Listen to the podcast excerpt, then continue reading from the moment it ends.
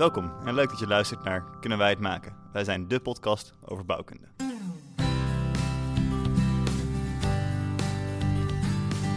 Nou ja, met mijn afstuderen heb ik ook tegen Herm gezegd van nou, mijn niveau is programmeren voor dummies. Jullie kennen hopelijk wel allemaal die papers waarin je een paar simpele grammatica rules hebt. En dan komt zombies van de robe eruit. Doordat hij zoveel varianten gaat, dan komt hij die toch wel een keer op een ontwerp die wel wat meer sens maakt. Waaruit gewoon wetenschappelijk wordt geconcludeerd dat je wc's inderdaad het beste in het midden van je gebouw kan zetten. Daarom we zeggen, elk Lego-blokje is een ruimte en je bouwt het gebouw op met allemaal Lego-blokjes op die manier.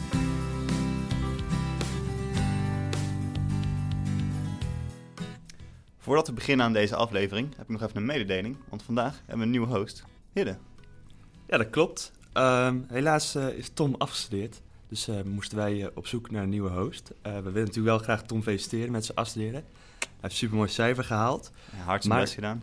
ja, ja, absoluut. Ik hoorde dat hij meer dan 100 pagina's had geschreven. Dus hartstikke mooi. Ehm, maar ja, daarom hadden wij een nieuwe host nodig. En dat ga ik dus doen. Dus Misschien drie zinnen over jezelf, Hidde? Drie zinnen over mijzelf. Eh, nou, ik ben student bouwkunde.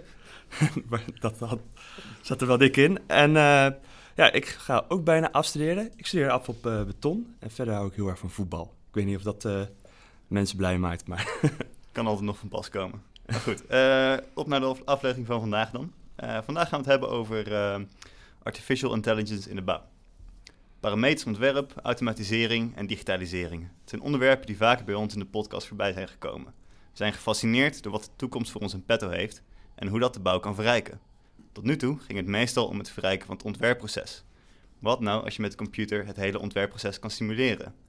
Valt complexe, iteratieve proces wel te coderen? Hoe vang je de beslissingen die genomen worden door ingenieurs in code?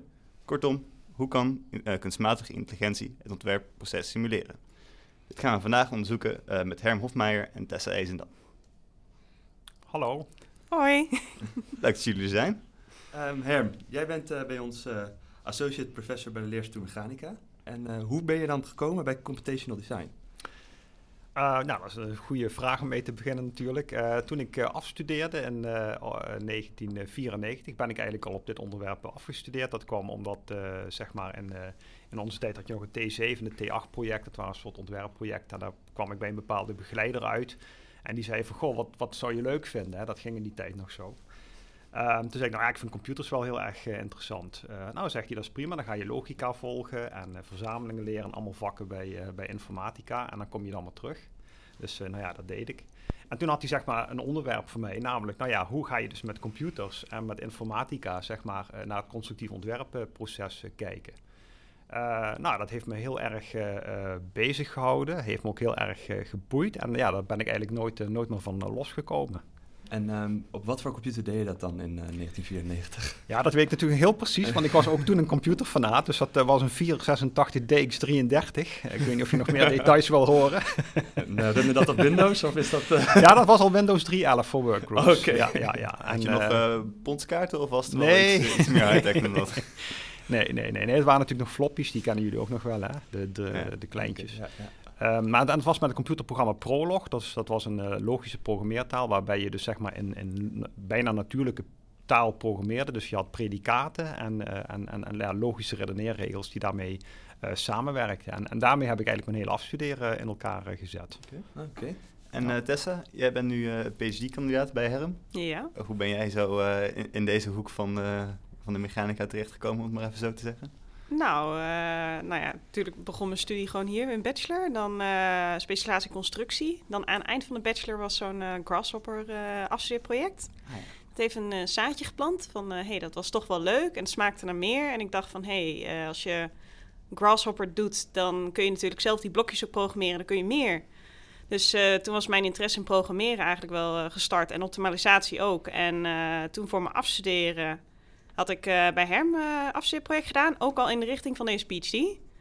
En eh, nou, dat smaakte nog steeds naar meer. Dus toen, toen ben ik er zo ingerold. En toen ben ik de PhD gestart bij Herm. de nieuwsgierigheid die, die bleef groeien over wat de computer allemaal Ja, kan. Voor Ja, zeker.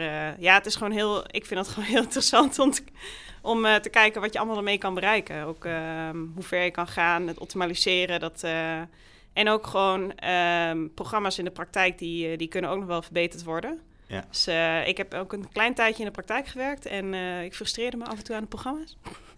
Ja, aan een ja. paar primitieve zaakjes. Dus dan leren programmeren en dan er zelf iets aan kunnen doen om je eigen tools te ontwikkelen. eh, en dan ook nog een keer veel meer te bereiken dan de standaard tools in de praktijk, maar dan ook echt richting optimalisatie te gaan. Ja, dat, dat vind ik dan wel heel interessant.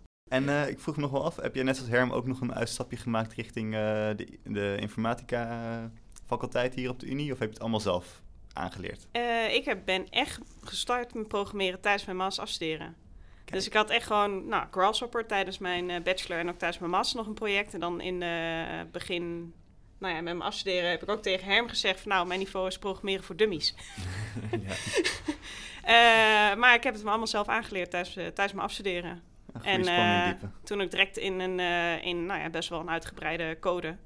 Want eh, het onderzoek waar wij in werken, dat is al eh, een aantal jaren in ontwikkeling.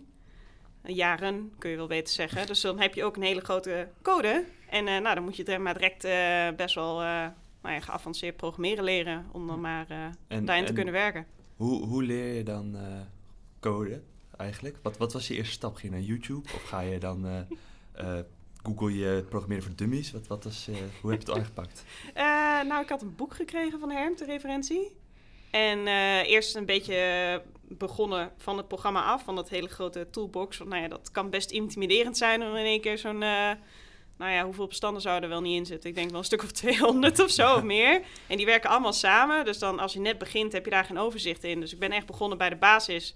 Want eh, volgens mij had ik een eh Snake-programmaatje geschreven om even te oefenen. En toen, toen ik de toolbox kreeg, ben je gewoon, ja, dan kun je de code afgaan. Dan kun je, Google is je beste vriend. Dus eh, je ziet een statement, nou, die zijn allemaal te vinden online van wat ze nou betekenen. En dan op die manier eh, leer je gaandeweg alles stap bij stap nemen. En eh, Herm, hoeveel mensen heb jij al eh, leren programmeren op deze manier? Oeh, nou ja, dat, dat weet ik niet zo goed. Maar in ieder geval dus eh, drie, vier promovendi. En nou ja, eventjes pak een beetje tussen de acht en tien afstudeerders of zo. Ja.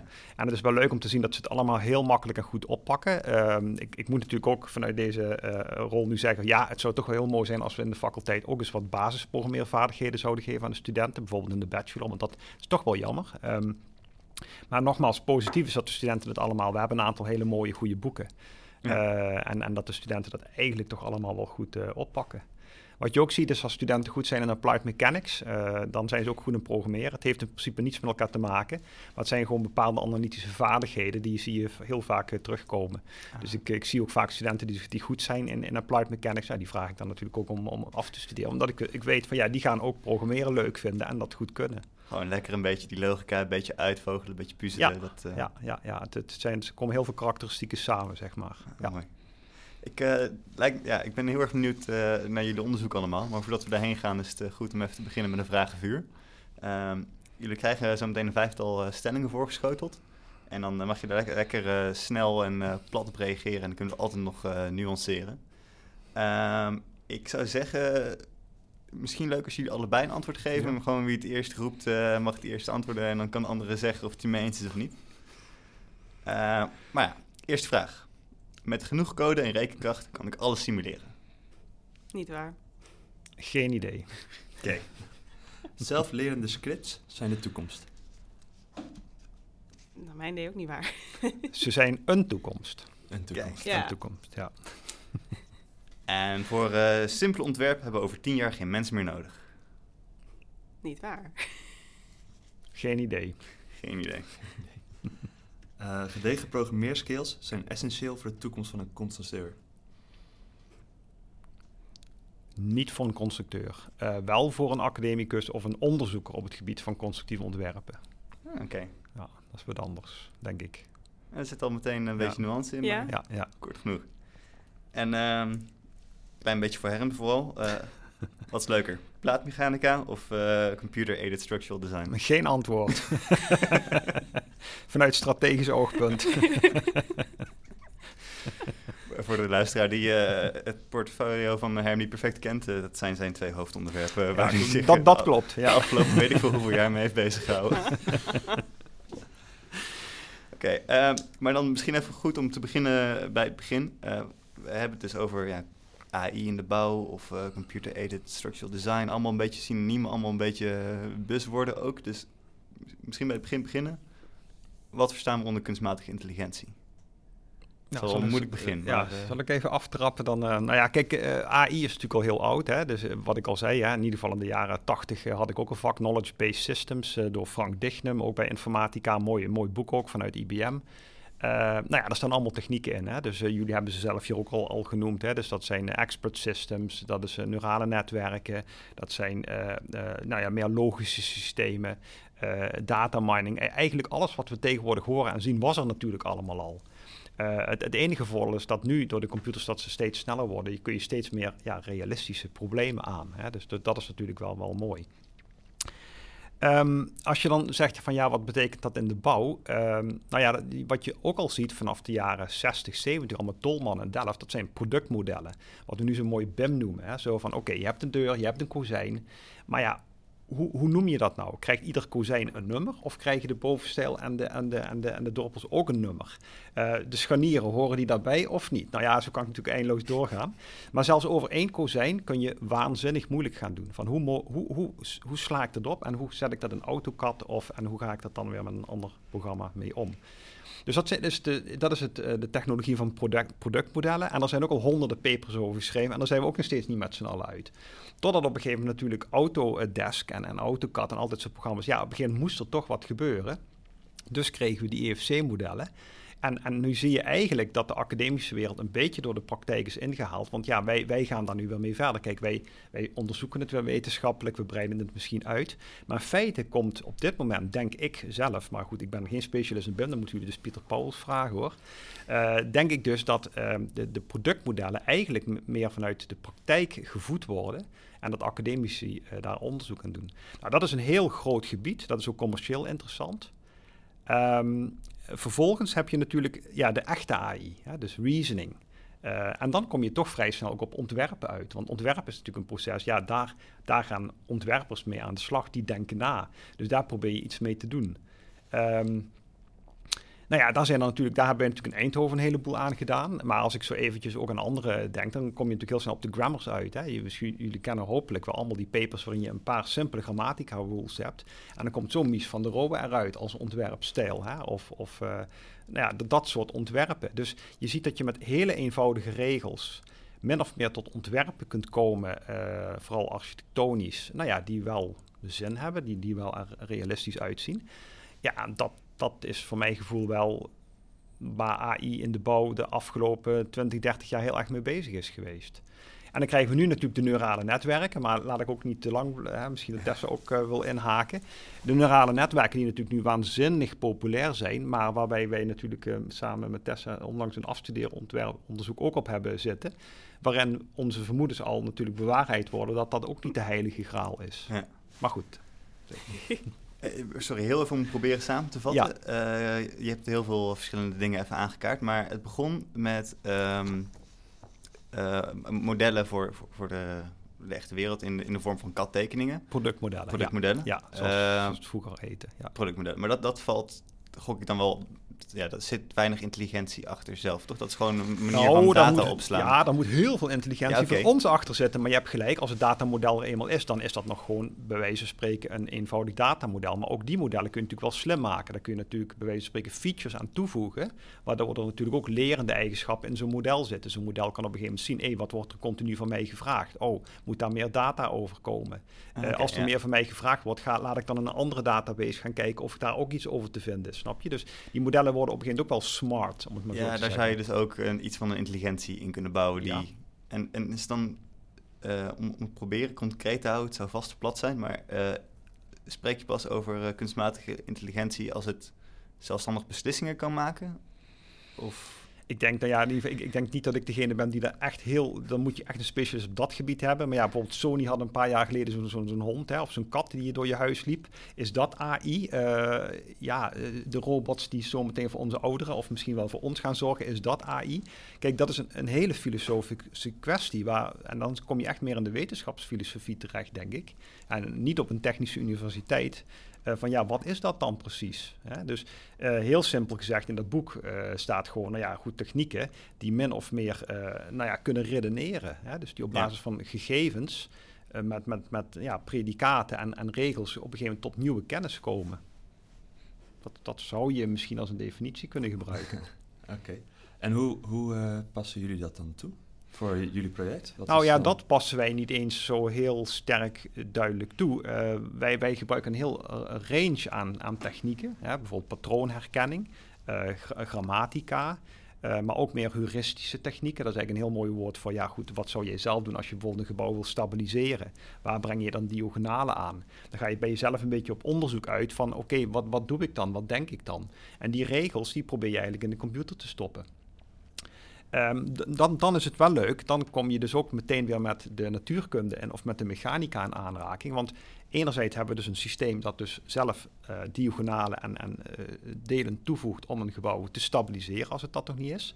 Maar tegelijkertijd checken we dat natuurlijk gewoon met een hele nou ja, rationele eindige elementenmethode. Ja. Hè, dus, en, en dat gebeurt allemaal zeg maar in de computer. Dus um, je zou het wel als een kern van ons onderzoek uh, kunnen zien dat wij niet alleen maar ontwerpprocessen proberen te simuleren, maar dat ook iedere keer toetsen aan nou ja, de werkelijkheid. En daar bedoel ik mee de, de natuurkundige, de fysische werkelijkheid. Ja. Dat, dat is de randvoorwaarde van jullie scope waar jullie in onderzoeken. Het moet wel... Ja, zo zou, je, zo zou je het kunnen zien of zo zou je het kunnen samenvatten bijvoorbeeld. Ja, ja. Het is een beetje moeilijk om samen te vatten, omdat we een toolbox hebben. En die toolbox kun je op verschillende manieren inzetten. En er is ook al heel veel verschillende onderzoeken mee gedaan. Dus op dat pad is het ook gewoon een beetje moeilijk om op één ding vast te zetten. Ja. Dus ja. Want uh, sinds wanneer bestaat die toolbox er grofweg? Ja, ja, dat zal ik wel. naar jou te kijken. Nou, nou we hebben, we, nou ja, de toolbox is natuurlijk een, uh, ja, letterlijk bij stukjes en beetjes ontwikkeld. Ik heb ja. zelf in 2008 uh, zelf uh, een aantal dingen geprogrammeerd. Onder andere het, het, algoritme om zeg maar te stabiliseren, of beter gezegd nog, om te kijken of een gebouw al stabiel is of niet. Hè. Dat, ja. dat, was er nog niet, zoiets, ook niet, niet commercieel. Dus dat heb ik zelf geprogrammeerd in C++. Gelukkig kunnen Tessa en zo die regels niet meer zien, want dat was allemaal houtje touwtje geprogrammeerd. dat is inmiddels wel allemaal verbeterd, maar het idee werkte wel.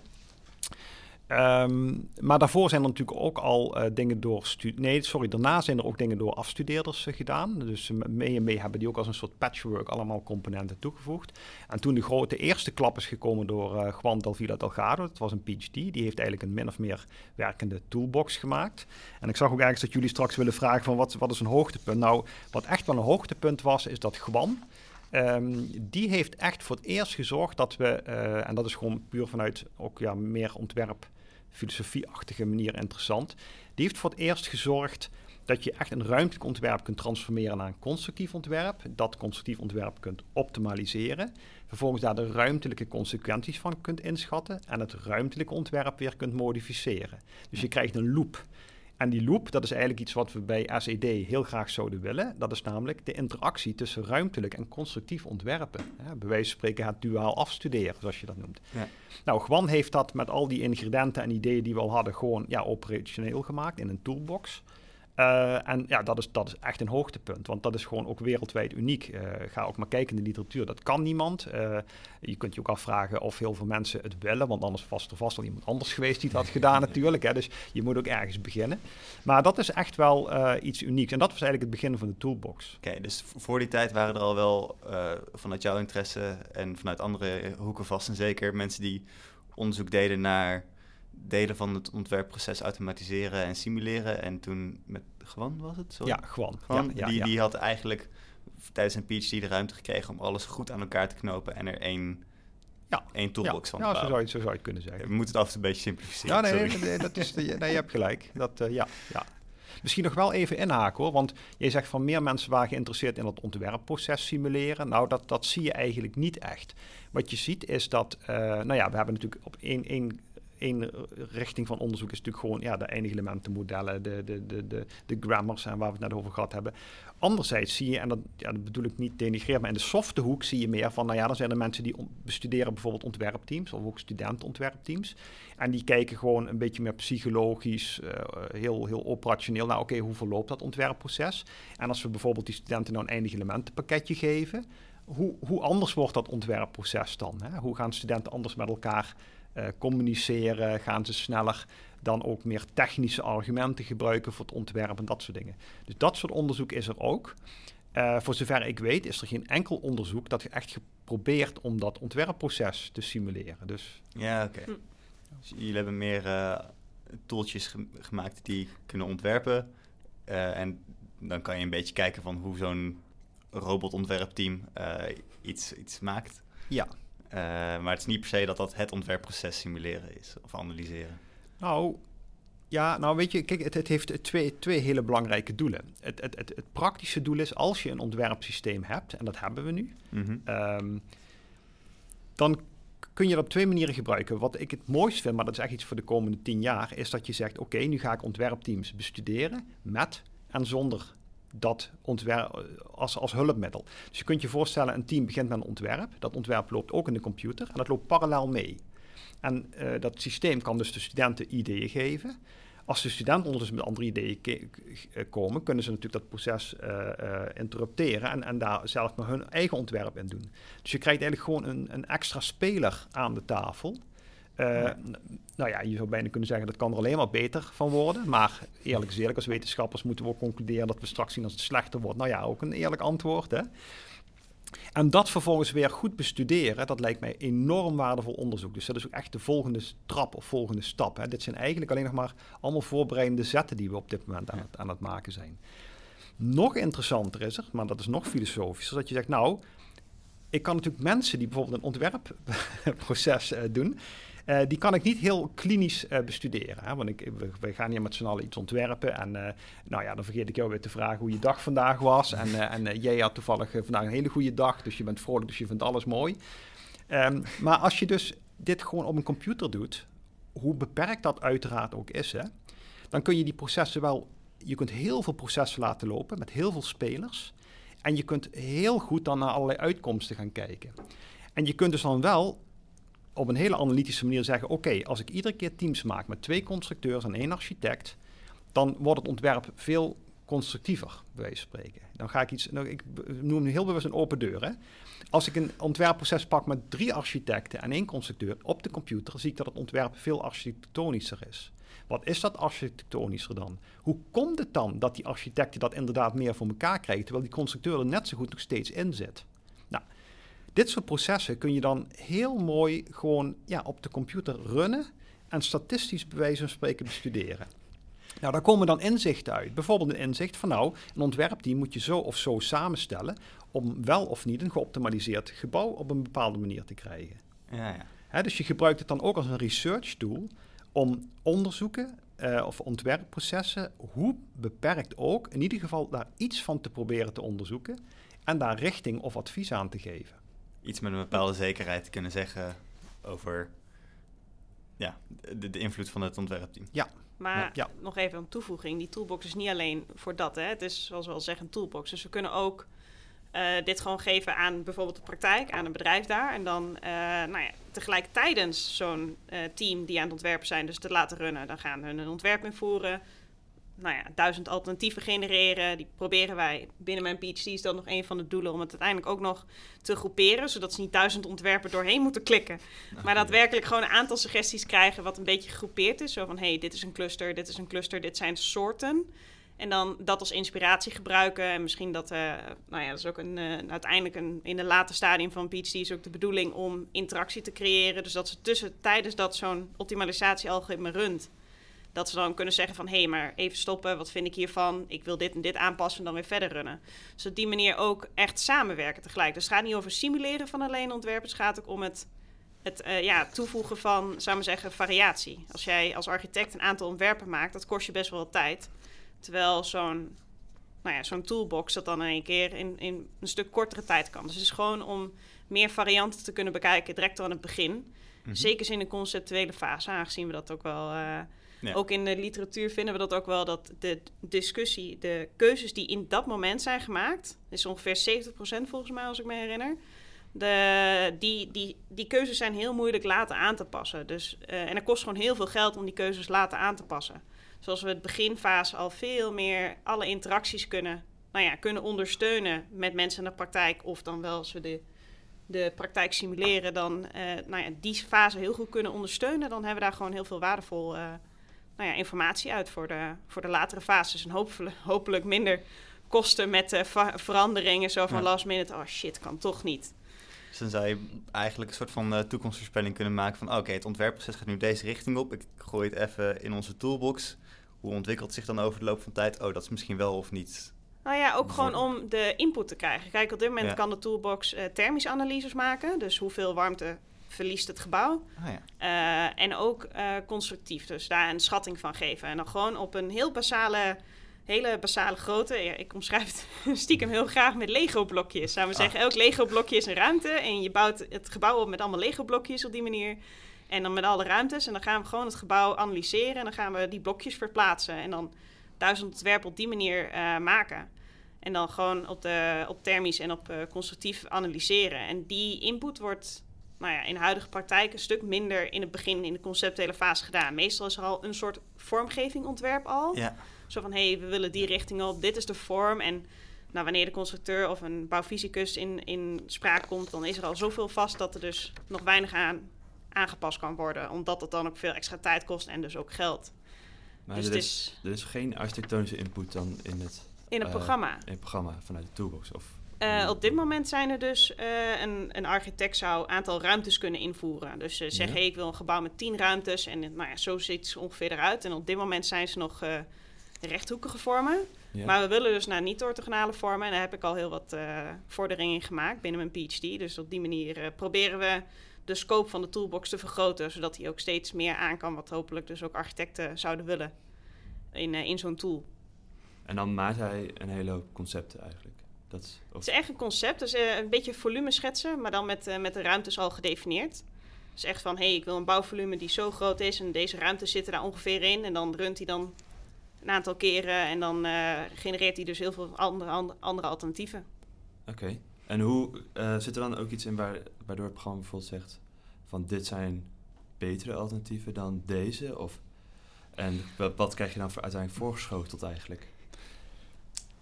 Nou, eh, ja, ehm, Tess heeft inderdaad over haar deel van het onderzoek eh, inderdaad nu even gesproken. Het is misschien aardig om te zeggen dat we dus ook heel sterk samenwerken met Leiden. Leiden, de Universiteit van Leiden, daar eh, ook in de tijd. Want laat ik nog even heel kort teruggaan naar, we hadden dus gewoon Del Villa Delgado. Daarna kwam de Johnny Boonstra, die mogen we niet vergeten, want die Ja. heeft uiteindelijk echt de toolbox nou ja, behoorlijk professioneel opgezet. Eh, wij zeggen nu wel eens eigenlijk wat te professioneel af en toe, want het is allemaal heel, heel eh, stringent gecodeerd en, en heel professioneel. Maar dat maakt het ook wel eens moeilijk om precies te begrijpen hoe het allemaal werkt. Je leert direct heel goed eh, heel veel variatie van C++ programmeren, Ja. omdat hij best wel advanced programmeren heeft gebruikt. Ja. Ja. Waardoor het, eh, nou ja, dat, Ja. ik denk dat hem... Maar eigenlijk heeft eh, Johnny, behalve al het gewone onderzoek wat hij sowieso gedaan heeft, eh, heeft hij dus ook in die toolbox nog eens een keer helemaal opnieuw gestructureerd en geprogrammeerd. Dus dat, op dat moment werd het eigenlijk echt de toolbox, om het eh, maar zo te zeggen. Overigens heeft Johnny ook niet alleen daarom, maar ook zeg maar, eh, het was de beste PhD van de, van de faculteit eh, vorig jaar. Ook omdat hij het allemaal open source heeft gemaakt. Hè? Dus het is voor Ja, iedereen beschikbaar en, en, Ah, en te gebruiken. Dus zelfs als student zou je het op je computer kunnen Ja, zetten. ja, dat Runnen. kan. en mag je kan het nu naar. GitHub gaan of wat Ja, dan ook. ja, en, er eh, zit ja. een hele ja. handleiding hoe je het op je computer hoort eh, te installeren. en dan de, de laatste versie van de toolbox. En dan kun je er gewoon een keer eh, mee runnen. En je zou hem ook kunnen aanpassen. En moet ik dan eerst nog drie maanden studeren voordat ik er iets mee kan? Of Ja, vermoedelijk begin- wel. Oké. Nou ja, de, nou, de example kun je heel makkelijk runnen. Er zit heel, een heel duidelijke instructie van hoe je een example runt. Een, een voorbeeld. Ja. En, eh, maar als je er dan verder mee wil spelen, dan zou je er waarschijnlijk iets grotere studie van mee willen maken. Maar een eerste, eerste run, een eerste beeld kun je wel relatief snel krijgen. Maar zou je nu ook zeggen dan, eh, als er nu een ontwerpteam is, ergens in Nederland bezig met een project, zou je zeggen van nou, eh, download dat, installeer het op je computer en probeer even uit of je Het zou hier wat mee kan doen. Nou, het zou kunnen. Het is natuurlijk vrij academisch. Zoals Tess al zegt, het zijn nu nog orthogonale vormen. Dat, dat zijn we dus. Hè. Dat is Tess Ja. wel al op een hele aardige manier zeg maar, aan, het, aan het uitbreiden. Ehm, maar het zou theoretisch al kunnen. En dat is ook de reden dat ik zeg, nou, zeker na deze PhD van Tessa, zullen we toch langzaam toe moeten naar, ja, dit moet gewoon studentteams in. En we moeten ook protocollen gaan ontwikkelen. Uh, ja, hoe gaan we dat dan zonder en met die toolbox vergelijken? En hoe ga je dat allemaal een beetje wetenschappelijk doen? Uh, dus dat is wel een, een, een volgende stap. Nog even terug over Leiden. Dus, dus inderdaad, nou, Johnny, Johnny heeft dus samengewerkt met, met Koen van der Blom, een PhD uit Leiden. Dus het, het onderzoeksproject bestond uit twee PhD's. Waar wij in uh, Eindhoven dus vooral dat ontwerpproces modelleerden en gebruikten om te optimaliseren. Ehm, hebben ze in Leiden zeg maar, een veel formelere aanpak ge gekozen. Dus om zeg maar, ja, vanuit informatica technieken, om het maar zo te zeggen, ook naar geoptimaliseerde ontwerpen te zoeken. Uh, dat zijn dan heel vaak de genetische algoritmes, uh, die dan wel worden ingezet voor multi-objective optimalisatie, dus thermisch en constructief. En het leuke is dat, wat jij al noemde, dat daar worden natuurlijk ook, een GA gaat natuurlijk automatisch allemaal heel veel verschillende ontwerpjes bedenken en die evalueren met de technieken uit de toolbox. En dan komt het alleraardigste, dan is er dus natuurlijk uiteraard ook samengewerkt tussen Johnny en uh, Koen en nu dus tussen Tessa en Xenia. Over Xenia gaan we het dan ook nog wel even hebben. Maar niet alleen natuurlijk op menselijk niveau. Hè. Jullie hebben speech, die is natuurlijk op een hele aardige manier werken jullie samen. En dat was met Johnny en Koen ook zo. Um, maar ook uh, de computer doet dat dus. Hè. Dus, dus het Eindhoven-algoritme uh, ontwerpt een, uh, simuleert een ontwerpproces. Daar komen een aantal gebouwen met constructie en bouwfysische elementen uit. Dat wordt vervolgens naar Leiden gestuurd. Niet eens letterlijk, want het kan natuurlijk op hetzelfde workstation. Maar. ja. Het Leiden-algoritme gaat dat als een ideeënbox gebruiken om heel veel andere ontwerpen te genereren en die ook allemaal te evalueren. Dat gaat dan op een veel nou ja, zeg maar hard science en informatica-achtige manier. Daar komen weer een aantal ontwerpjes uit en die worden weer naar Eindhoven gestuurd. Uh, die vervolgens dat weer gaat gebruiken in ontwerpproces.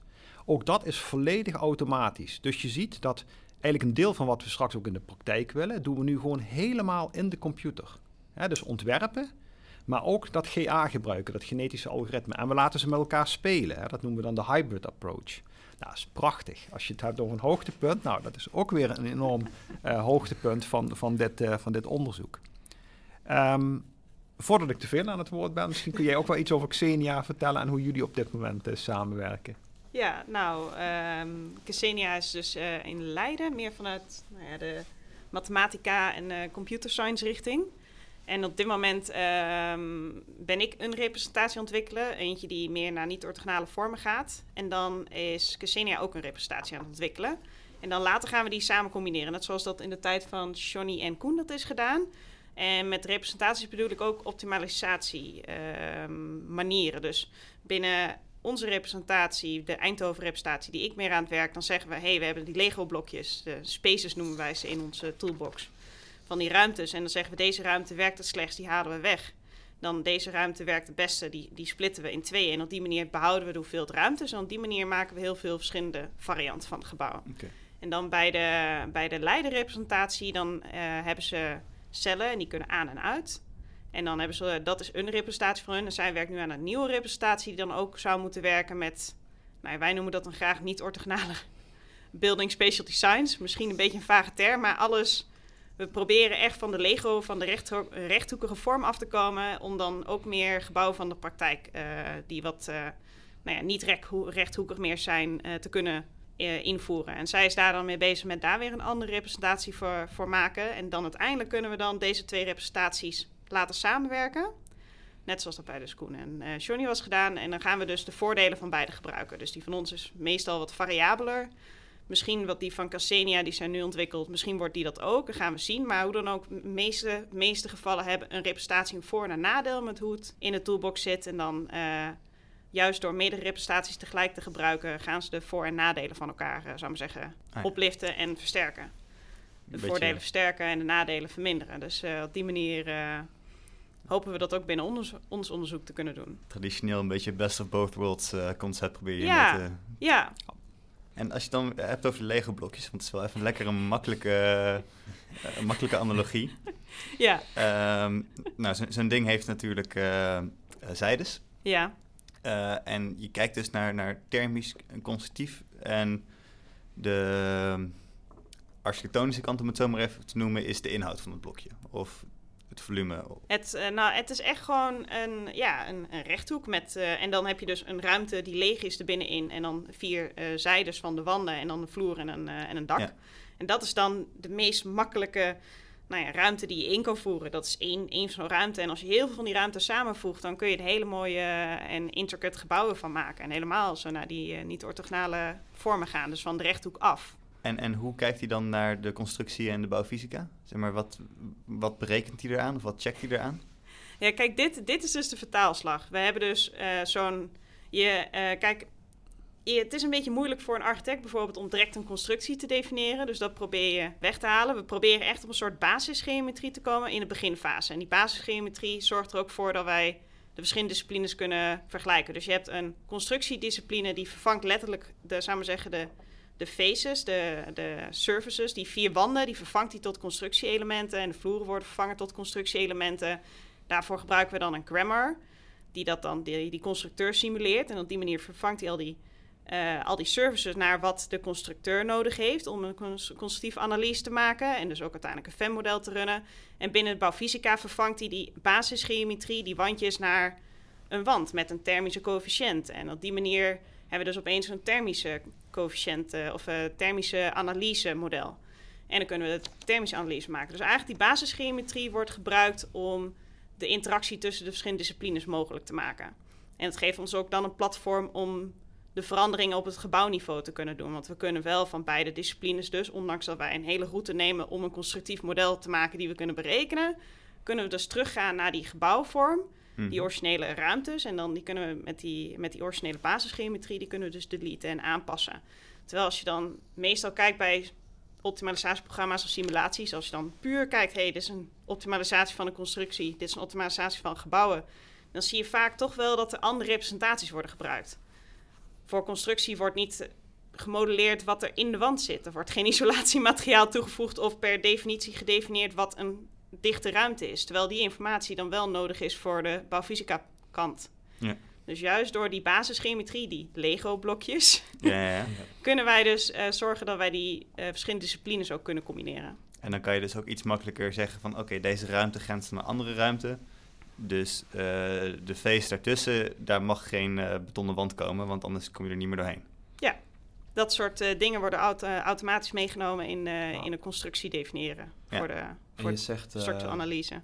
Die, die grammar, dat is een set van regels ja. die uh, eigenlijk simuleert wat een uh, constructeur of een uh, bouwfysica doet, eigenlijk. Of in bepaalde waar mate, zich aan houdt. En veranderen die regels dan ook, als je dan ziet dus dat er bijvoorbeeld heel veel slechte ontwerpen uitkomen, dat je dan automatisch, oh, als we deze regel veranderen, wordt het wat beter? Of hoe werkt dat dan? Mag je? Ja. ja uh, nou ja, dat, eh, dat, is een hele leuke vraag. Daar zitten ook weer een heleboel kanten aan. We hebben namelijk niet alleen maar gewone grammars. Johnny Bones heeft bijvoorbeeld ook een iteratieve grammar gemaakt. Die dus als constructeur uh, zeg maar zegt... oké, ik ga een paar constructieve elementen toevoegen aan het ruimtelijk ontwerp. Dan ga ik hem doorrekenen met een eindige elementenmethode. Dat klinkt gek, omdat het ontwerp misschien nog kinematisch, hè, kinematisch mechanisme heeft. Maar dat kan toch door dan eerst te stabiliseren. Hè, daar heb ik jullie al net e-, even iets over verteld... Uh, en vervolgens wordt het dan mee en mee opgebouwd. Dus je bouwt de constructie dan op, net zoals dat je een gebouw bij wijze van spreken letterlijk of, op, ja, construction in Engels, dus opbouwt, zeg maar. Zo bouw je dan ook de constructie op. Dat is dus een andere manier om het te doen. En iedere keer als je dus een element aan toevoegt, kijk je dus naar de performance van wat er al is. Dus zo bouw je op een hele slimme manier constructies op. En we hebben inderdaad laten zien dat die constructies soms beter zijn dan als je gewoon begint met een constructie vanuit een grammar.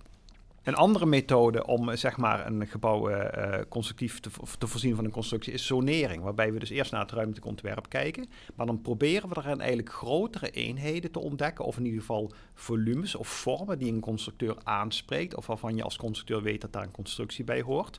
En vervolgens kun je dus, uh, die, terwijl je die vorm hebt herkend, dus een andere representatie van het ruimtelijk ontwerp krijgen. En daar dus de constructie-elementen, dus de grammars op toepassen. Dus dat kunnen we ook al. Wat we al een beetje kunnen, maar nog niet helemaal, is, en dat is dus wat Koen van der Blom heeft ontwikkeld, op basis van de leidendata en de informatica die we daar gebruiken, kunnen we dus aan data mining doen. Dus uh, Koen heeft uh, al die data van al die gebouwtjes ontwikkeld en er komen allemaal regels uit. Als de wand uh, uh, meer dan drie meter afstand van een andere wand, moet je die en die vloer gebruiken. En anders, nou ja, goed, jullie kennen dit soort regels allemaal ook wel. Eigenlijk die vuistregels ja. die je ook ziet in de, in de vroeger in ieder geval in dictaten constructief ontwerpen. Maar die zijn dan niet hard gecodeerd, die regels. Die heeft hij zelf. Nee, die vindt hij zelf. Die vindt hij dus zelf uit de data, uit de genetische algoritme data.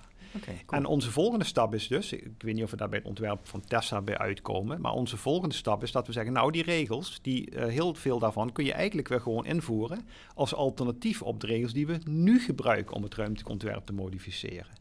En dan krijg je dus inderdaad een enorme mooie feedback loop. Want die feedback komt dus enerzijds uit zeg maar applied mechanics data en, en, en, en berekeningsgegevens, maar anderzijds uit een soort zoekproces wat we met z'n allen als mensen doen, namelijk dat genetische algoritme.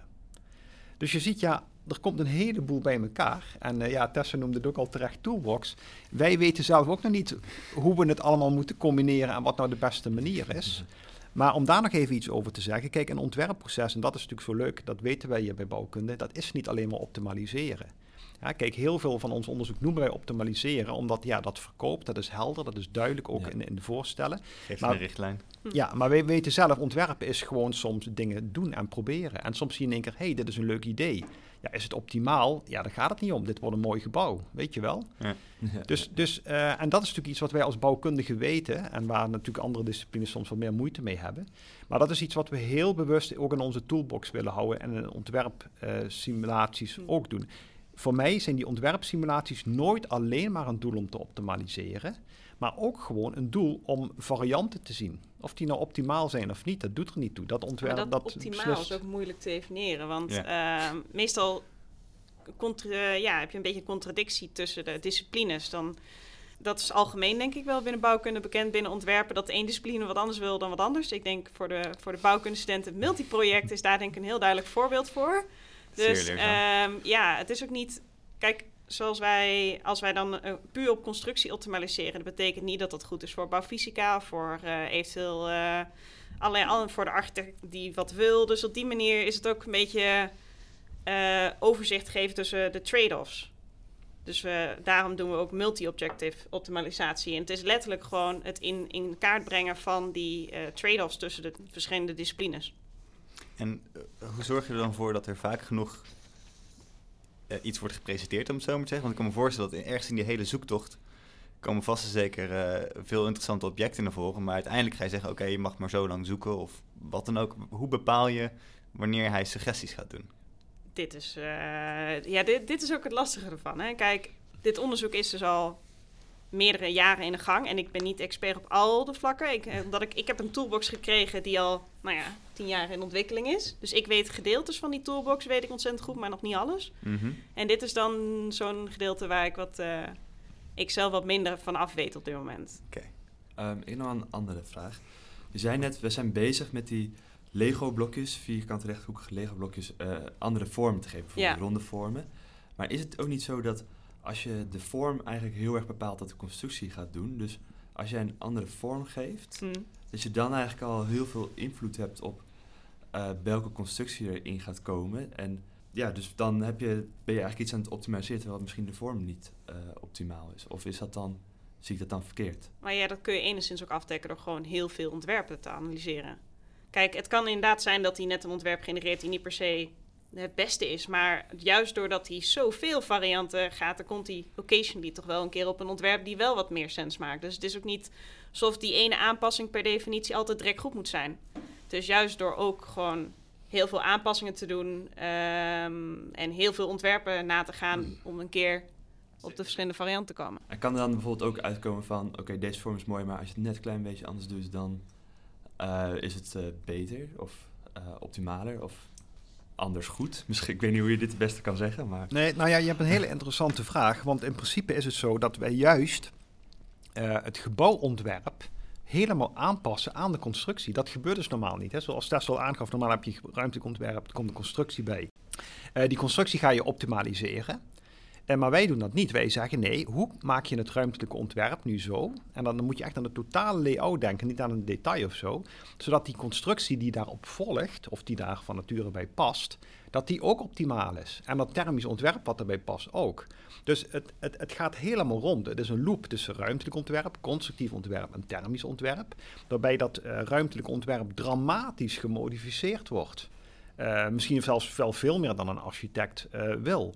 Uh, nou, zij moeten we ook misschien wel een beetje af van het verhaal dat architecten altijd de, zeg maar, de baas zijn in het ontwerpproces. Ja, dat is natuurlijk nog, soms nog steeds een beetje zo. Maar um, je ziet bijvoorbeeld, uh, Johnny heeft heel mooi laten zien en gewoon ook al, dat als je bijvoorbeeld een hoogbouw maakt, maar die wil je puur constructief optimaal maken, ja, wat denk je wat er gebeurt? Dat ding wordt zo plat als een dubbeltje.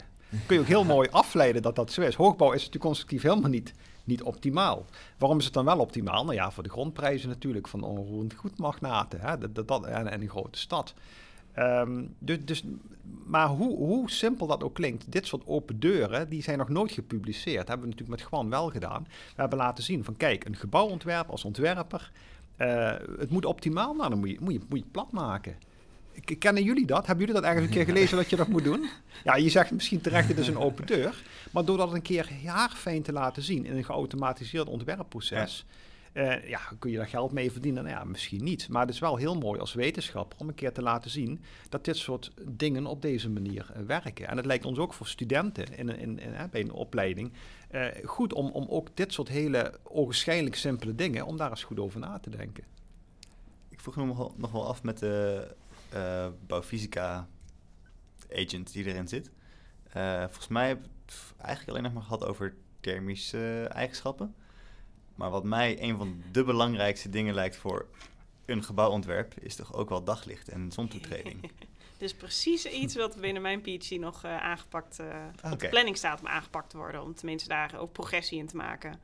Dus inderdaad, wij, wij hebben initieel om dus multi-objective uh, automatisatie te kunnen doen. Of ja, heb ik niet. Dat heeft Johnny destijds gedaan. Uh, die thermische analyse erin gebouwd. Zodat wij die multi-objective analyse kunnen starten. Mm -hmm. Maar inderdaad, voor bouwfysica is het natuurlijk ook een mooie trade-off om licht mee te nemen. Het licht thermisch warmt gebouw op. Nou ja, uh, kan een gebouw ook van oververhit raken. Dus dat heeft zeker ook invloed op het thermisch geheel. Dus dat is ook iets wat we in mijn PhD een, tenminste een soort lichtanalyse in die toolbox gaan bouwen, ja. En het lijkt me ook een heel mooi raakvak tussen bouwfysica en architectuur. Want de architect, eh, natuurlijk uh, gewoon voor gebruikscomfort, zichtlijnen zijn belangrijk. Voor eisen van je kantoor, voor je woning, voor weet ik veel wat allemaal. Er moet een raam binnen zoveel uh, meter van je bureau afzitten. En uh, het maakt het ontwerp natuurlijk veel complexer, maar ook veel realistischer, lijkt me. Nou ja, we gaan, dat proberen we dus ook binnen mijn PhD. We gaan niet alleen van de rechthoekige vorm af, we gaan ook naar nou ja, dan de licht toe.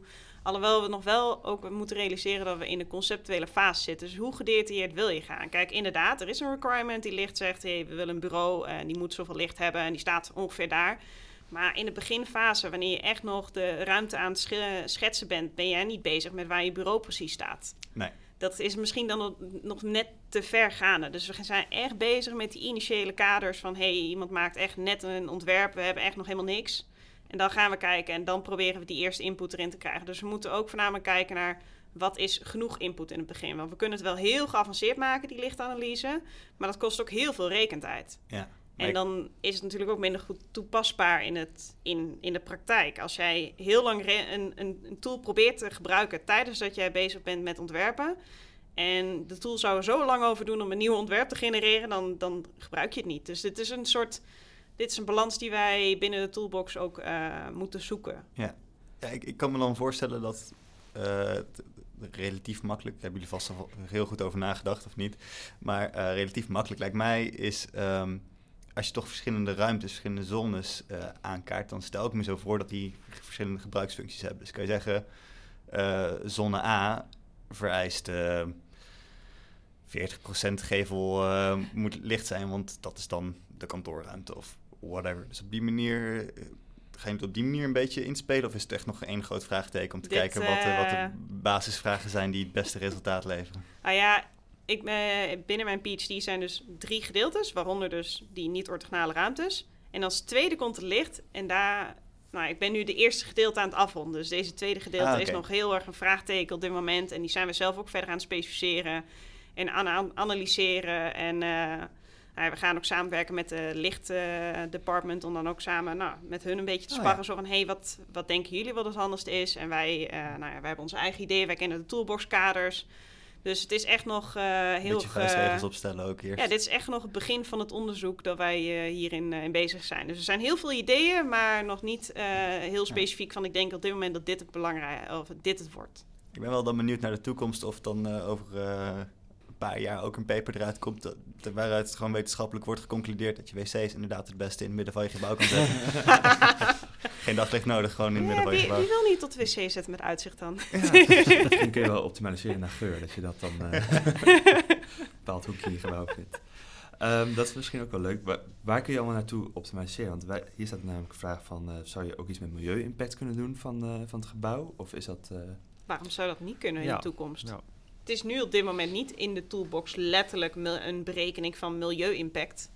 Eh, maar mm, nou ja, waarom zou het niet eh, een interesse kunnen zijn? Waarom zou je dat niet op willen optimaliseren? Het is denk ik ook juist mooi om verschillende criteria te, eh, te vergelijken en toe te passen. En gewoon, gewoon eens onderzoeken van welke criteria kunnen we op optimaliseren en wat doet dat? Meer dan te zeggen van dit is het criteria waar we willen optimaliseren. Want het is denk ik ook per project verschillend wat, wat iemand wil. Ik, had, ik had die vraag erin gezet, want ik vind het een heel interessant concept. Want ehm, ja, optimaliseren op duurzaamheid is op zichzelf al ontzettend tegenstrijdig en complex. Eh, als constructeur leer je namelijk dat je relatief licht en met weinig materiaalgebruik moet, eh, eh, ja, moet ontwerpen, want dat is dan een lagere embodied carbon. De bouwfysicus die leert traditioneel in ieder geval dat dingen goed geïsoleerd moeten zijn en niet te veel verbruik energie mogen krijgen. Dus daarom heb je je hebt één term die heel veel verschillende disciplines tegelijkertijd beïnvloedt. En waarschijnlijk ook best wel tegenstrijdige eh, ja, vragen stelt aan, eh, aan alles en iedereen. Nou ja, dat zie je natuurlijk, maar dat zie je al eigenlijk nu al ook al tussen de eh bouwfysica die we optimaliseren en de constructie. Ja, dat is ook een multi-object, het zijn er maar twee. Maar goed, zometeen komt licht erbij, zometeen komt dan dat milieu erbij, wat je bijvoorbeeld kunt voorstellen. Ja, en al die dingen die gaan met elkaar het gevecht aan. Eh, en, en dat is ook zo dat natuurlijk, ja, het is uiteindelijk wel optimaliseren met heel veel verschillende objectives. En ja, dan is natuurlijk de weer de vraag, ja, hoe doen wij dat als mensen dan nu? Ja, dat is ook heel moeilijk, hè? want ja, iedereen probeert dan het gebouw een beetje te modificeren, zodat dit of dat beter wordt in een team. De architect zegt uiteindelijk toch, ja, maar ik wil toch deze vorm, namelijk deze grote kubus die zo en zo gedraaid is en noem maar op. Ja, hoe doen we dat dan nu? Hè? Dus, je, ik, ik, maar goed, dat is weer een ander interessant thema. Dat stond ook een vraag van, ja, gaan computers eh, mensen vervangen? Kijk, zolang wij als mensen niet eens eh, weten hoe dat zou moeten, maar misschien is ook wel het antwoord, we moeten ook niet willen weten hoe dat moet. We doen gewoon met z'n allen iets ontwerpen. Eh, ja, dan kun je natuurlijk niet verwachten dat de computer dat wel kan. Ehm, hoewel, terwijl ik dat zeg, denk ik natuurlijk, ja, dat dacht ik van de schaakcomputer ook. En dan denk ik, heeft hij ook gewonnen van de wereldkampioen. dus het is altijd lastig kijken hoe, hoe dat zit. Maar hoe dan ook, is, eh, ja, multi-objective eh, optimaliseren is heel moeilijk en, en is vooral navigeren. En dat sluit een beetje aan bij het derde deel wat Tessa gaat doen. Samen ook met Leiden natuurlijk. Van, we moeten gaan onderzoeken er is een enorme ontwerpruimte. Hè, daar bedoel ik gewoon alle mogelijke variabelen mee. Er zijn veel objectives. En hoe navigeer je daar nou doorheen? Zowel met de computer, en daar hebben we al heel veel over gesproken nu met z'n allen. Maar ook als mens. Eh, waar grijp je in? Eh, welk alternatief wil je zien of niet? Jij noemde al die ontzettend veel alternatieven waar je maar wijs van moet worden. Nou, ook daar kan AI weer helpen. Dus je kunt dat weer als een soort metaredenering zien. Boven de hele infrastructuur die we nu hebben, kan weer een AI-laag bovenop die dit allemaal gaat sturen, die er interessante dingen uit gaat halen, die op de juiste mo- momenten vraagt aan het team, wat wil je nu weten, wat, wat kunnen we nu veranderen? Ah, ja. En dat is precies het derde deel eh, waar Tessa zeg maar ook eh, mee bezig gaat in de promotie. Ja, ook, ook dat is natuurlijk nog, eh, nog heel Toekomst, nieuw Ja. en vers. Hè. Ook daarvan hebben we alleen nog maar een plan. Hoewel ook daar kunnen we natuurlijk wel een beetje kijken naar Johnny en Koen. Die hebben er toch ook al dingen aan gedaan. Eh, en dat gaan wij ook proberen. En dan nogmaals, ja, de droom is dan, maar dat halen we bij dit project niet meer, om dit toch gewoon echt eens met studentprojecten te gaan doen. Hè? Dus een tweedejaars ontwerpprojecten, daar willen we dit gewoon echt gaan, gaan gebruiken. Dat is natuurlijk gewoon, eh, ja. Ja. dat is fantastisch. Ja, ik denk als je nog zijn. verder kan dromen, dat je zegt natuurlijk in de praktijk. Maar Ja, dan, dat is de eh, praktijk. Ik Ja, zeg goed, ook nog dat- verder dromen, maar eh, Alles op zijn tijd. ja, ja, ja, ja, zeker. Nou, dat is ook een vraag die wij hadden gesteld. Voor een simpel ontwerp hebben we over tien jaar geen, eh, nou, geen mens, geen constructeur misschien meer nodig. Is zo- zo'n model, kan dat richting die kant gaan? Dat je zegt van, nou, een, eh, een schuur bijvoorbeeld bij een boer, dat, dat is niet heel moeilijk. Dat, dat gooi je gewoon in een model en eh, daar komt een eh, ontwerpje uit. Nou ja, ik vind het grappig dat je zegt, want ik ga nou een beetje de knuppel en hoenderhoek. Hoezo een schuur is uh, dingen? Ik kan me voorstellen, een geweldige architect een geweldige schuur gaan ontwerpen met een hele mooie detaillering, ontzettend mooi uiterlijk. Dus ook een schuur kan een fantastisch ontwerpproductje worden. Dus dat is, even, dat is maar even een scherts natuurlijk. Maar, maar nee, natuurlijk, uh, je hebt wel een punt. Kijk, ik, ik vermoed ook, maar ook dat is natuurlijk maar weer een idee die we met z'n allen hebben, dat we hoe dan ook, dat we toch wel meer naar industrieel bouwen gaan, ook voor woningen. Dat er toch, net, net zoals, eh, of je dat nou leuk vindt of niet, net als bij auto's, dat er toch wat meer massaproductieachtige dingen komen. Alleen al omwille van het feit dat je dan beter kunt optimaliseren. Hè? Want als een gebouw iedere keer anders is, ja, dan is optimaliseren moeilijker. Nou, binnen zo'n context zou natuurlijk zo'n systeem wat wij hebben wel zijn nut kunnen hebben, omdat je een aantal stappen kunt overslaan. En dan ja, dan is niet mijn stelling, dan kun je dus met minder mensen doen. Mijn stelling is dan nee, dan kun je die mensen de slimme en intelligente dingen laten doen. Hè? Dus, dus het is niet zo van je, je maakt de mensen overbodig, maar de mensen kunnen dan focussen op wat echt belangrijk is en, en echte creatieve ideeën formuleren. En al die wat meer uitwerkachtige zaken, waarbij dan het lokaal of deels optimaliseren ook een soort uitwerkachtige zaak wordt, ja, die kun je dan aan de computer overlaten. Precies. Maar het idee is nooit om mensen te vervangen. Want ja, uiteindelijk, kijk, die systemen worden door mensen gemaakt. Dat is wel een van mijn stellingen. Je kunt als mens niet een systeem uh, bedenken dat jou echt over, overstijgt in alle opzichten. Misschien wel in een deelaspect. Maar niet, niet, ja, dan maak je gewoon een mens. En dat zijn, daar hebben we er al genoeg van. Dus dat is toch prima. Daar, hoef je, daar, niet, daar heb je geen computer voor nodig. Nee, precies. Hij ze worden dit. Ja. uh, ik vroeg nog wel af, want um, het gaat dus heel over optimaliseren. En als je het hebt over de constructie optimaliseren, je zei net al dat uh, als je een hoogbouw hebt en je geeft er verder geen restricties aan, dan maak je hem gewoon zo plat als een dubbeltje. Maar waar, waar optimaliseert hij dan op? Ja, nou ja, we dat is dus een goede. We optimaliseren dus eigenlijk op dit moment niet echt de constructie. Ja, dat is ook niet helemaal waar, daar kan ik zo nog wel iets over zeggen. Maar laten we zeggen voor 90% is, uh, optimaliseert het systeem het, het, bouwkundige ontwerp, dus het, het, ruimtelijke ontwerp. Zodat de constructie die daarbij hoort, dat die zo optimaal mogelijk is. En optimaal welke En dan optimaal mogelijk is hier zo min mogelijk rekkenenergie, strain energy, dus zo, zo, stijf mogelijk. Dat is in principe het idee. We zouden ook andere criteria kunnen gebruiken, dus maximale spanningen of een, uh, bepaalde specifieke plekken een bepaalde maximum deflection. Maar heel vaak bij, zeg maar, als je gewoon eventjes houtje touwtje constructie optimaliseert, bijvoorbeeld bij topologie optimalisatie, dan doe je dat door uh, ja, minimum compliance, hè, dus, dus maximale stijfheid. En dan geef je het van tevoren een, een, vaste hoeveelheid kubieke meters materiaal dat je mag toepassen? Of? Uh, nee, nee, uh, nee, nee, wat we nu doen, als je, uh, nou, oké, als je dat heel technisch wil horen, dan, dan, dan gaan we. Dus we, we voegen aan het ruimteontwerp en constructie toe met een grammar. Dat is gewoon een standaard grammar, dus er gewoon, bijvoorbeeld er komen kolommen op de hoeken, er komen panelen op gevels en noem maar op, met allemaal standaard afmetingen. Dan uh, voeren we gewoon een elementanalyse uit. Uh, dat is ook de enige manier, want het zijn altijd weer andere ontwerpen, dus dat is heel generiek. En vervolgens kijken we naar bijvoorbeeld onderdelen die heel uh, weinig bijdragen aan de constructieve werking, zeg maar. En daar halen we de ruimte die daarbij hoort van weg. Met de redenering van nou, als die constructie daar niks doet, hoeft daar misschien ook wel geen ruimte te zitten. Dit is een hele grappige redenering, want er zijn ook mensen die zeggen, nou, dan is het juist andersom. Je moet redeneren als er geen constructie hoeft te zitten, heb ik dus heel veel ruimte voor ruimte. Hè? Ja.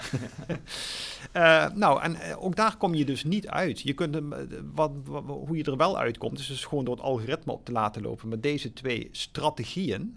En dan te ontdekken dat de strategie door de ruimte weg te halen, daar waar een constructie niet, toch uh, nou ja, niet de juiste is, maar in ieder geval wel leidt tot een ruimtelijk ontwerp met een constructie die uiteindelijk zo min mogelijk strain energy veroorzaakt. Okay. Dus dit is weer zo'n leuk voorbeeld dat je kunt als mens allerlei ontwerpachtige principes hebben, maar door het gewoon eens een keer een algoritme laten draaien, alleen dan zie je echt wat er gebeurt. Ja. Vervolgens kun je nog steeds als ontwerper zeggen: ja, maar daar ben ik het helemaal niet mee eens, want ik wil een andere gebouwvorm of, of ik wil toch die hoogbouw. Ja, prima. Dan zie je dus ook meteen de beperkingen van zo'n systeem aan. Uh, Tessa, wat ik mij nog afvroeg, als je straks klaar bent met je PhD, wat zou je dan uh, willen doen? Nou ja, dat, dat staat nog helemaal open. Ik, ik, ik definieer dat liever niet van tevoren. Ik, ik kijk liever naar het nu en dat ik denk van... hé, hey, ik, ik vind het leuk om te doen, ik vind het interessant. En uh, ik, ja, weet je, ik denk dat uh, werkzoek ook heel erg is van wat er op dat moment beschikbaar is. En uh, misschien is er een postdoc beschikbaar, misschien niet. Misschien is er een ontzettend leuke baan in de praktijk beschikbaar. Ja, het hangt daar ook vanaf. En dan ga ik rond dat, uh, rond dat moment dan maar wel kijken. Want even voor de goede orde. Je hebt uiteindelijk drie onderwerpen waar je op focus. Je bent nu bij onderwerp 1. Ja. Hoe lang ben je al bezig? Die Even kijken, ja, Pas deze april ben ik een jaar bezig. En dan eh, dat proberen we ook het eerste onderwerp wel echt af te ronden. Ik heb ondertussen een eh, draft paper eh, daarvoor af. En die zijn we ook. de planning is om die naar een journal heen te gaan sturen. En dan heel het revisieproces in te gaan. En dan kijken of die gepubliceerd kan worden. En dan, nou ja, dan zijn we van plan met het tweede onderwerp bezig te gaan. Dus een beetje algemeen, een jaar voor elk onderwerp. En dan het laatste jaar zijn de, de dingen afronden. En dat, althans, dat is de, de algemene planning.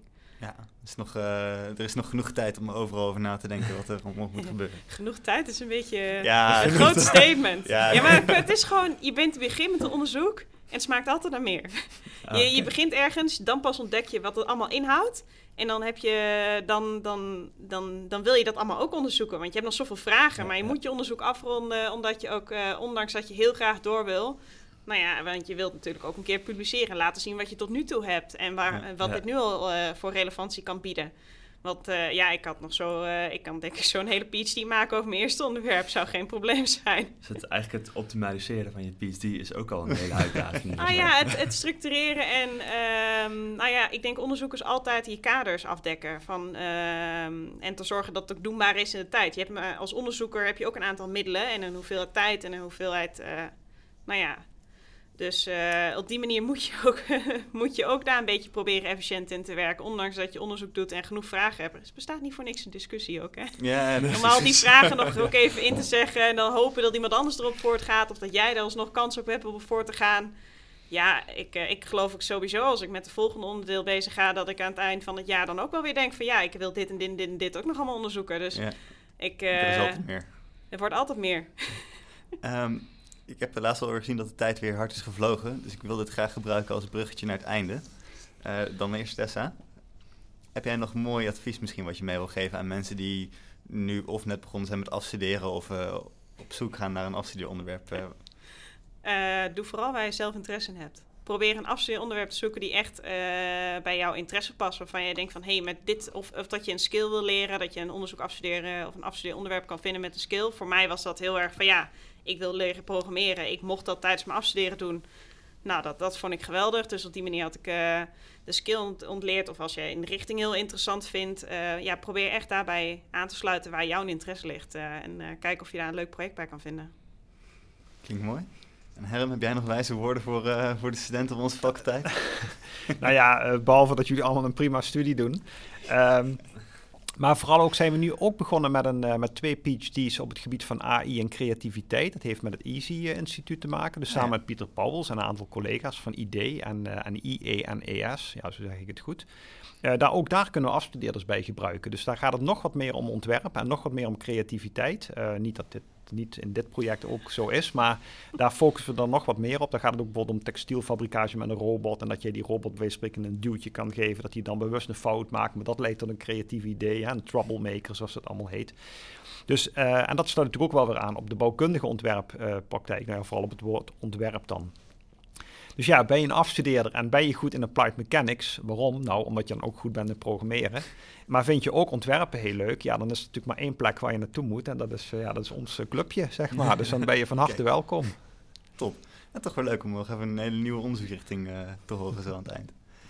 Nou, eh, Tessa en Herm, hartstikke bedankt dat jullie wouden komen. Het was weer, was weer een topgesprek, zou ik zeggen. Ja, Ja. dankjewel. Jullie bedankt voor het interview natuurlijk. Ja, Ja, hetzelfde. Bedankt voor, bedankt voor ons uitnodigen. We hebben veel geleerd.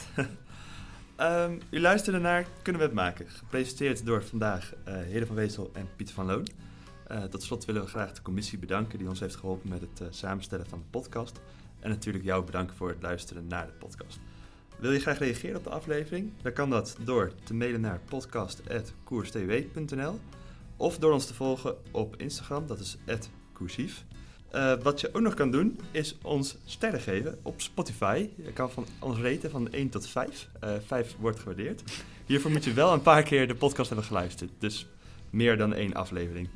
Eh, dit helpt anderen dan weer bij het vinden van onze podcast op Spotify. En helpt ons weer bij meer streams genereren. Over twee weken zijn we terug met onze volgende aflevering. En voor nu bedankt voor het luisteren en eh, tot ziens.